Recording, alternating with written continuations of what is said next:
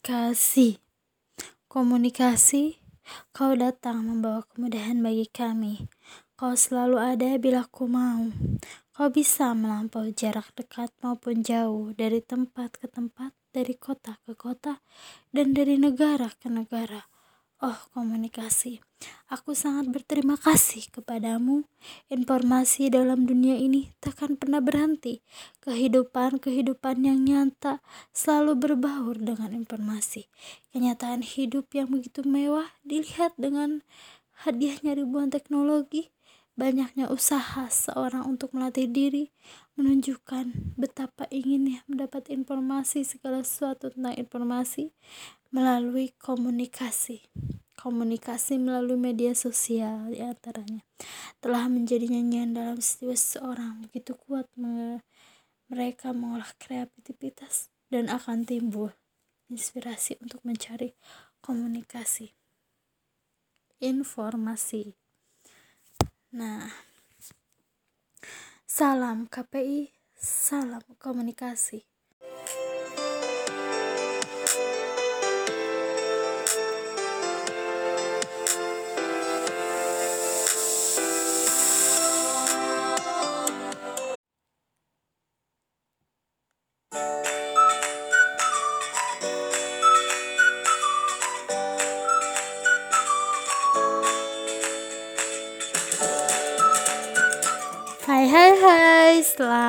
Malam semuanya bagi pendengar Teman-teman online maupun teman-teman yang sedang mendengarkan podcast Siti ini.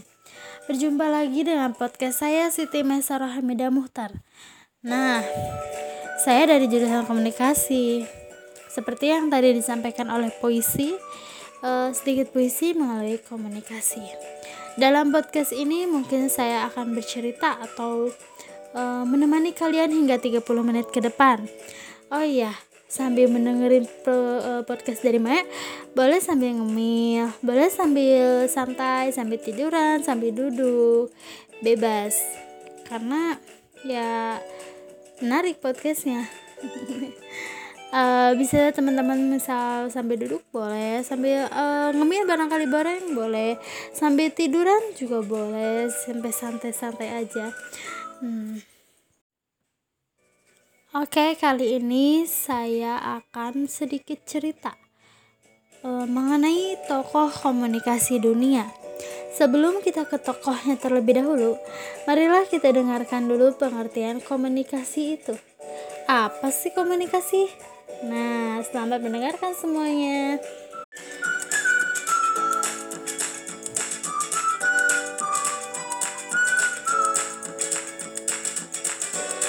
Komunikasi. Komunikasi dapat dimaknai sebagai jalannya proses di mana seseorang maupun sekelompok orang menciptakan serta menggunakan sejumlah informasi agar saling terhubung dengan lingkungan sekitar. Nah, secara umum komunikasi ini juga dapat dilakukan secara verbal maupun verbal, non verbal serta dapat dipahami oleh kedua pihak yang berkaitan. Komunikasi juga menurut para ahli uh, di antaranya seperti yang disebutkan oleh Anwar Arifin. Menurutnya, arti komunikasi sendiri yaitu jenis proses sosial yang erat kaitannya dengan aktivitas manusia serta syarat akan pesan maupun perilaku sendiri. Komunikasi juga bisa melalui uh, pesan ataupun perilaku ataupun kalau bisa tidak melalui pesan uh, banyak agar kita bisa terhubung atau bisa berkomunikasi satu sama lain.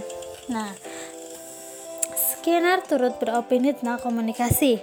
Komunikasi yang sebagai suatu perilaku lisan maupun simbolik, di mana perilaku ber pelaku berusaha memperoleh efek yang diinginkan. Nah, teman-teman, itu pengertian komunikasinya. Mau tahu tokoh siapa nih yang saya akan ceritakan di komunikasi yang dunia ini atau tokoh komunikasi dunia? Nah, salah satunya itu Carl Hoffland. Mau dengar ceritanya seperti apa? Mari kita simak. Selamat mendengarkan.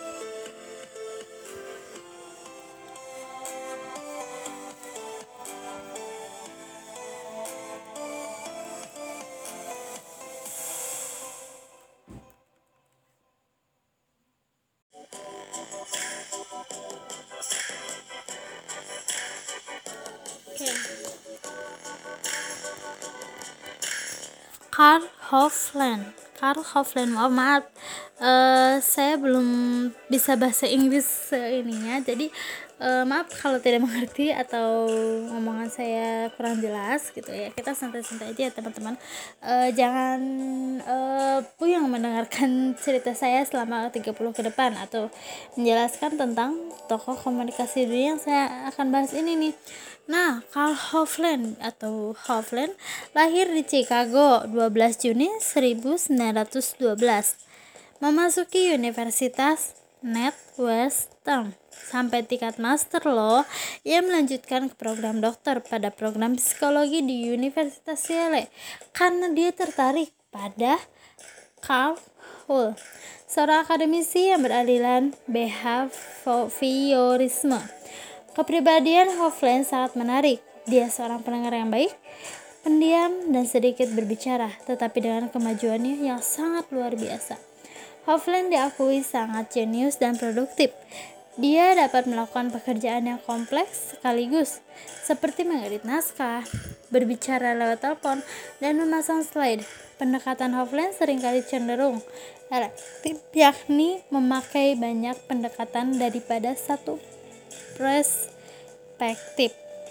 Perspektif.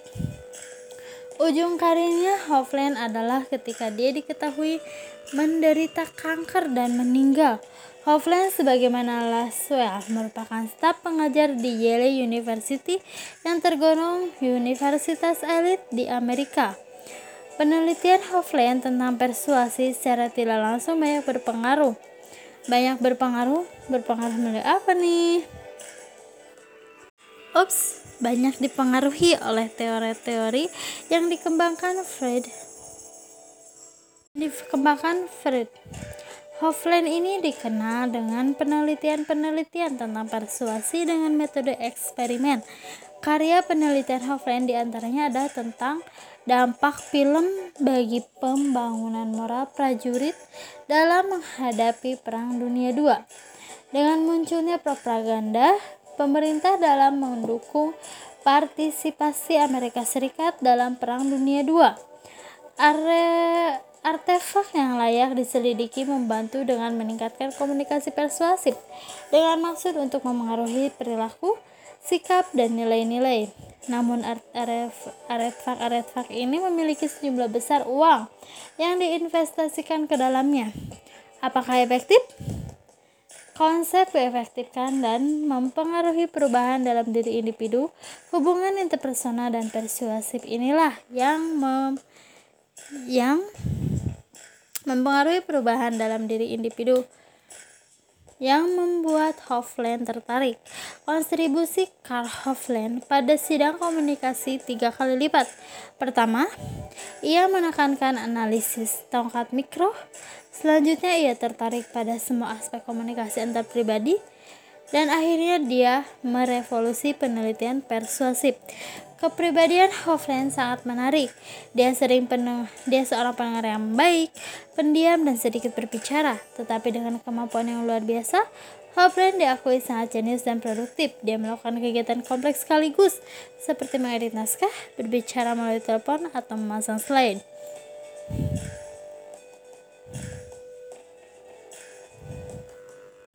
Nah, kita bahas tentang kehidupan awalnya atau biografinya nih. Karl Iver Horland lahir di Chicago, tahu sendiri yang tadi ya bersetia. Ia bersekolah di Lyod School dan kemudian menyelesaikan sekolah menengahnya di Ladder Institute. Dia memasuki Universitas Northwestern pada usia 16, menerima gelar BA pada tahun 1932 dan MA tahun berikutnya. Dia kemudian dipindahkan ke Yale di mana dia memperoleh gelar PhD pada tahun 1936, kecuali untuk penelitian selama tiga tahun di Washington. Selama Perang Dunia, Hofland tetap berhubungan dengan Yale selama sisa hidupnya, naik dengan cepat melalui jajaran akademis ke profesian Sterling pada usia 36. Sebagai seorang anak, Hopland memiliki minat yang mendalam pada musik, bahkan hingga perguruan tinggi ketika psikologi menjadi bagian utama dalam hidupnya. Ia mencari karir musik. Pada usia enam tahun, ia membaca buku teks Latin dengan lancar. Memulai perkembangan keterampilan linguistik yang menjadi sangat penting dalam studi alkimia dan agama selanjutnya. Pada tahun 1938, ia menikah dengan Gertrude Radat, seorang siswi siswa siswi piano seperti Hofland di Chicago. selama akhir 1930-an, awal 1940-an. Hofland memberikan kontribusi besar pada beberapa bidang psikologi eksperimental manusia seperti efisiensi berbagai metode pembelajaran hafalan dari hubungannya yang erat dengan Carl L. Hull dan psikolog lain yang bekerja di Yale Institute of Human Relations. Hofland hafalan Nah, Hopland sendiri mengembangkan pandangan yang komprehensif tentang ilmu dan perilakunya yang membawanya untuk memperluas pendekatan eksperimental analitik. Penelitian tentang pembelajaran manusia untuk bidang peneliti yang kurang berkembang di ilmu-ilmu manusia. Yang kedua ada karir. Kesempatan pertama Hofland untuk bekerja secara intensif di bidang psikolog sosial yang kurang berkembang muncul selama Perang Dunia Kedua ketika ia mengambil cuti dari Yale selama lebih dari tiga tahun dan melayani sebagai psikolog junior di, di Departemen Perang. Dia direktur oleh Samuel Stauffer, juga seorang sosiolog yang sedang cuti di University of Chicago. Karl memiliki tanggung jawab memimpin tim peneliti yang terdiri atas 15 peneliti. Peran utamanya adalah melakukan eksperimen tentang efektivitas program pelatihan dan informasi yang dimaksudkan untuk mempengaruhi motivasi pria di angkatan bersenjata Amerika. Ia mengumpulkan sekelompok enam mahasiswa pasca sarjana psikologi yang bekerja dengan dalam studi ini selama beberapa tahun.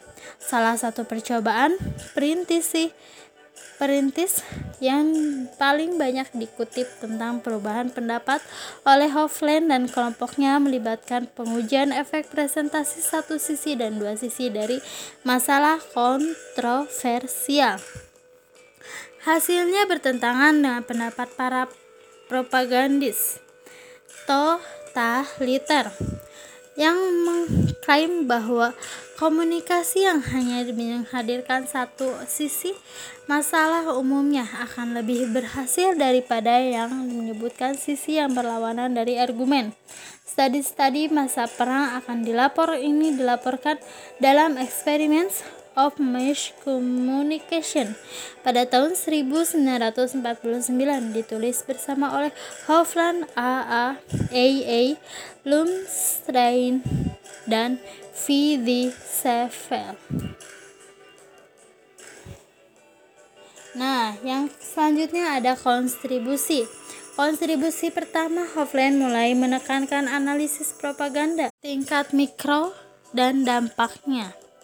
Eksperimen tentara Hofland adalah dari awal analisis tingkat mikro seorang individu. Variabel inti konseptual Hofland adalah sikap. Dengan penelitian yang sudah ada sebelumnya dalam disiplin yang dikhususkan untuk mengukur sikap dan untuk menyelidiki faktor-faktor yang terlibat dalam perubahan sikap. Itu berbeda bagi Hofland untuk datang dan melihat cenderung individu dan untuk bertindak ketika terpapar peran persuasif. Hopper percaya bahwa jika ia mampu mengenali sikap yang dimiliki seorang terhadap suatu pemicu, ia akan dapat memprediksi perilaku dan tindakan seorang dari waktu ke waktu. Namun, ada banyak penelitian yang berpendapat sebaliknya dan menunjukkan bahwa sikap terhadap seseorang atau objek tidak memprediksi atau menjelaskan perilaku terbuka seseorang mengenai orang atau objek itu. Mengungkapkan menarik tentang korelasi rendah ini tidak serta-merta membuat temuan menjadi tidak berguna tetapi malah mengarah pada pengungkapan pada penelitian lebih lanjut tentang bagaimana dalam keadaan tertentu sebenarnya ia mungkin untuk mengubah perilaku seorang melalui sikap mereka. Sementara Hofland berfokus pada tingkat individu daripada kelompok. Ia mulai mempertimbangkan komunikasi interpersonal dalam bentuk persuasi. Secara khusus, dia juga bertanggung jawab untuk melakukan serangkaian studi yang berkontribusi pada pemahaman kumulatif perilaku persuasi yang belum pernah dicocokkan atau bahkan disaingi. Nah, untuk menguji dan menerapkan teorinya, Hofland bekerja sebagai Hofland bekerja mengusulkan model SMCR. Model SMCR terdiri dari empat komponen variabel: sumber variabel, pesan variabel saluran, saluran serta variabel penerima. Dengan memanipulasi Masing-masing variabel ini, Hofland mampu memajukan pendekatan pembelajaran pesan untuk perubahan sikap. Namun ada masalah dengan pendekatan khususnya, yaitu dengan berfokus pada satu dimensi model SMCR. Hofland tidak dapat melakukan lebih dan mengilo mengisolasi suatu faktor daripada mempelajari sinergi antara variabel yang berbeda. Meskipun ada keterbatasan pada studi ini, sifat Hofland yang tabah dan rewel memungkinkan untuk badan peneliti yang dapat terus menyelidiki komunikasi interpersonal ini dalam bentuk penelitian persuasi. Seiring dengan tidak mampu meneliti, Seiring dengan tidak mampu menyelidiki interaksi dari elemen sumber, pesan, penerima saluran dan interaksi mereka dalam suatu penelitian, penelitian Hofland bisa dibilang memiliki satu kelemahan lagi. Kelemahan dalam penelitian Hofland ini adalah bahwa komunikasi terjadi dalam arah tunggal dan sifatnya lebih linier.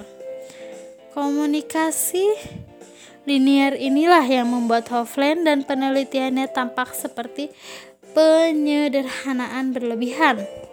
Bagi penerima beberapa pakar komunikasi, Hofland menyediakan penelitian baru dalam bentuk penelitian tingkat mikro, penelitian antar pribadi, serta penelitian persuasif. Hofland menggunakan penelitian eksperimen dalam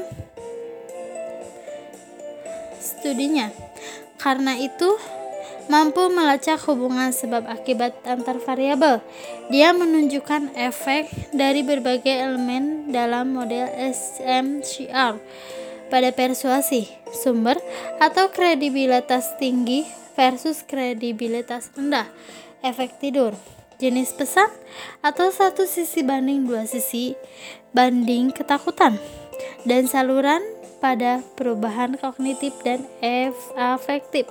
Pekerjaan Hofland ini sangat bagus sejauh menyangkut metode eksperimental, tetapi kritik terhadap karyanya juga menemukan beberapa masalah penting. Apa saja? Secara khusus, ia dikritik dengan melihat individu sebagai tidak terhubung satu sama lain, meskipun ia menggeneralisasi sebagai anggota audiens media. Dia menemukan efek kognitif yang kuat dari film-film perang pada penontonnya, tetapi dia mungkin secara prematur menyatakan media sebagai lemah dalam efeknya. Juga, hasil dari eksperimen tidak dapat digeneralisasikan dengan mudah ke populasi. Dia ingin menetapkan hukum persuasi, tetapi harus puas dengan efek variabel-variabel prediktornya pada persuasi individu. Selanjutnya ada kematian. Nah, tadi mungkin sedikit cerita tentang um, uh, kehidupannya apa sih? Uh, kayak uh, kehidupan awalnya terus juga kontribusi-kontribusi terus juga um, biografinya terus kepribadian seperti apa. Nah ini yang terakhir ada kematian. Nah sebelum ke sana saya ingin menjelaskan terlebih dahulu bahwa Hovland Carr ini uh, sangatlah penting gitu. Dia sangat sosok yang uh, komunikasi dunia yang sangat patut kita contoh karena dia um, karirnya sangat bagus kepribadiannya juga bagus dan dia bicaranya lembut. Ber, meskipun bertubuh besar tapi bicaranya lembut. Lembut dalam cara uh, sangat cepat dan cetakan dalam gerakan fisik seperti dalam kecerdasan. Nah pada tahun awalnya ia uh, cukup malu-malu gitu. Seperti ya saya mungkin saya juga awalnya kan malu-malu.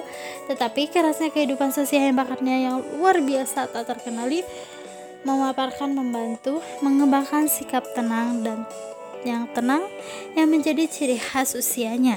Dia tegar tanpa henti, bahkan di tahun tragis terakhir dalam hidupnya dan terus bekerja dengan siswa yang kolagin sampai penyakit terakhir yang singkat.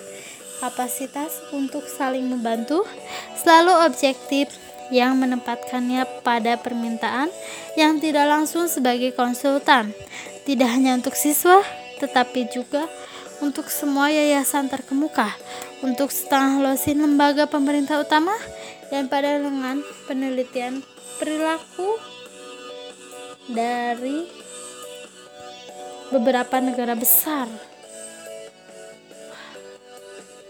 Perusahaan dia berulang kali dihormati oleh rekan-rekannya dengan satu atau lain cara sebagai wakil apa untuk Dewan Penelitian Ilmu Sosial sebagai anggota Dewan Direktur Asosiasi itu dengan memilih Akademi Seni dan Ilmu Pengetahuan Amerika. Ke Amerika Psikolo, Psikolo, Philosophical Society dan untuk Akademi Ilmu Pengetahuan Nasional yang ia hormati, dia sangat menghargai.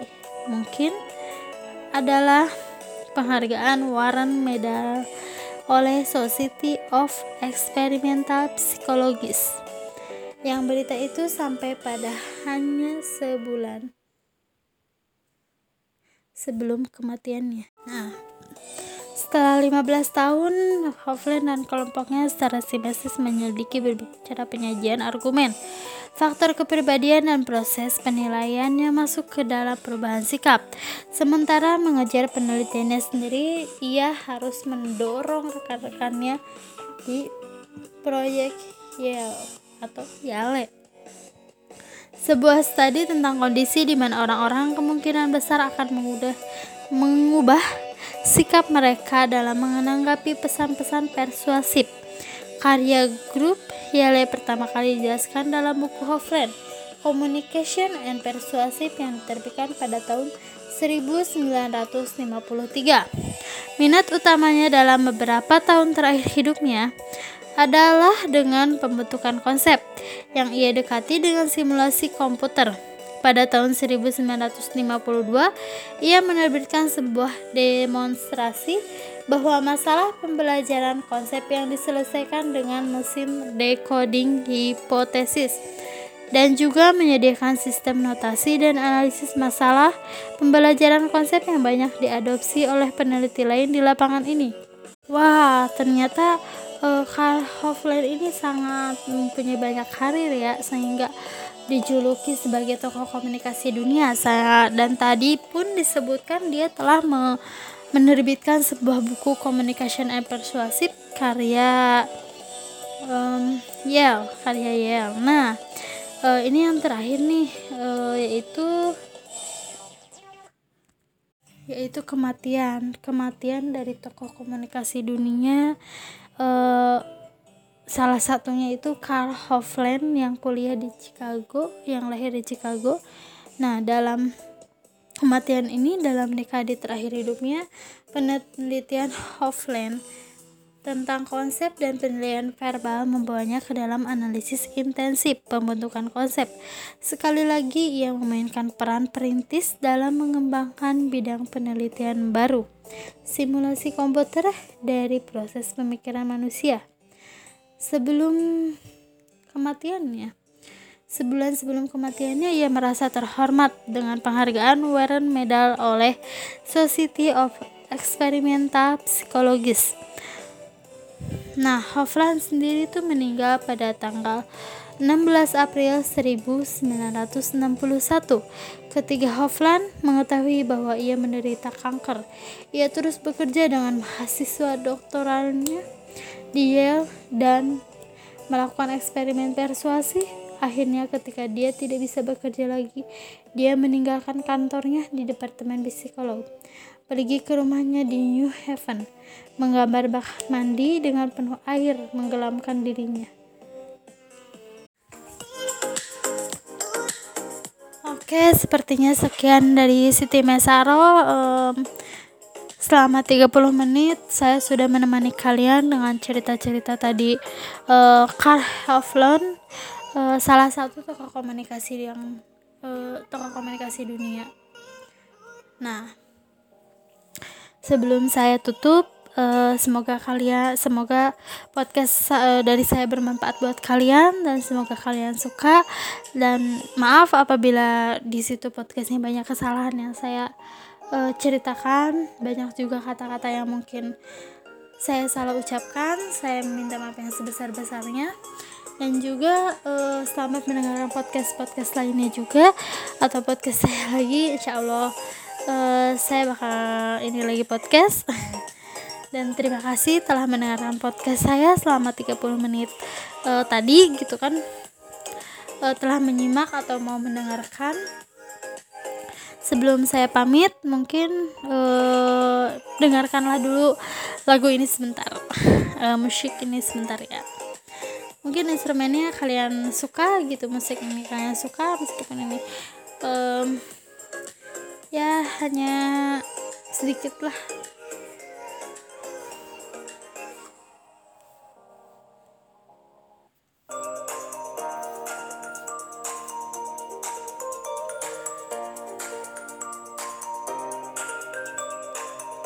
Jangan lupa kunjungi podcastnya Siti Mesra Amida Muhtar. Uh, saya dari jurusan KPI 6A. Uh, komunikasi. Saya dari jurusan Komunikasi dan Penyiaran Islam KPI 6A. Um,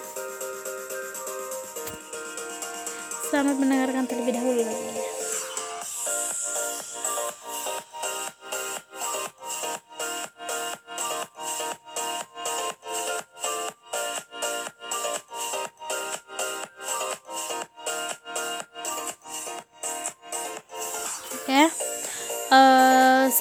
Tutup saya banyak-banyak mengucapkan terima kasih kepada kalian yang mendengar, uh, yang sudah mendengarkan dan saya ucapkan minta maaf yang sebesar-besarnya bila ada kata-kata atau yang salah uh, salah ucap atau salah apa. Uh, sekian dari saya. Wabillahi taufiq wal hidayah. Wassalamualaikum warahmatullahi wabarakatuh. Selamat jumpa. Selamat mendengarkan podcast selanjutnya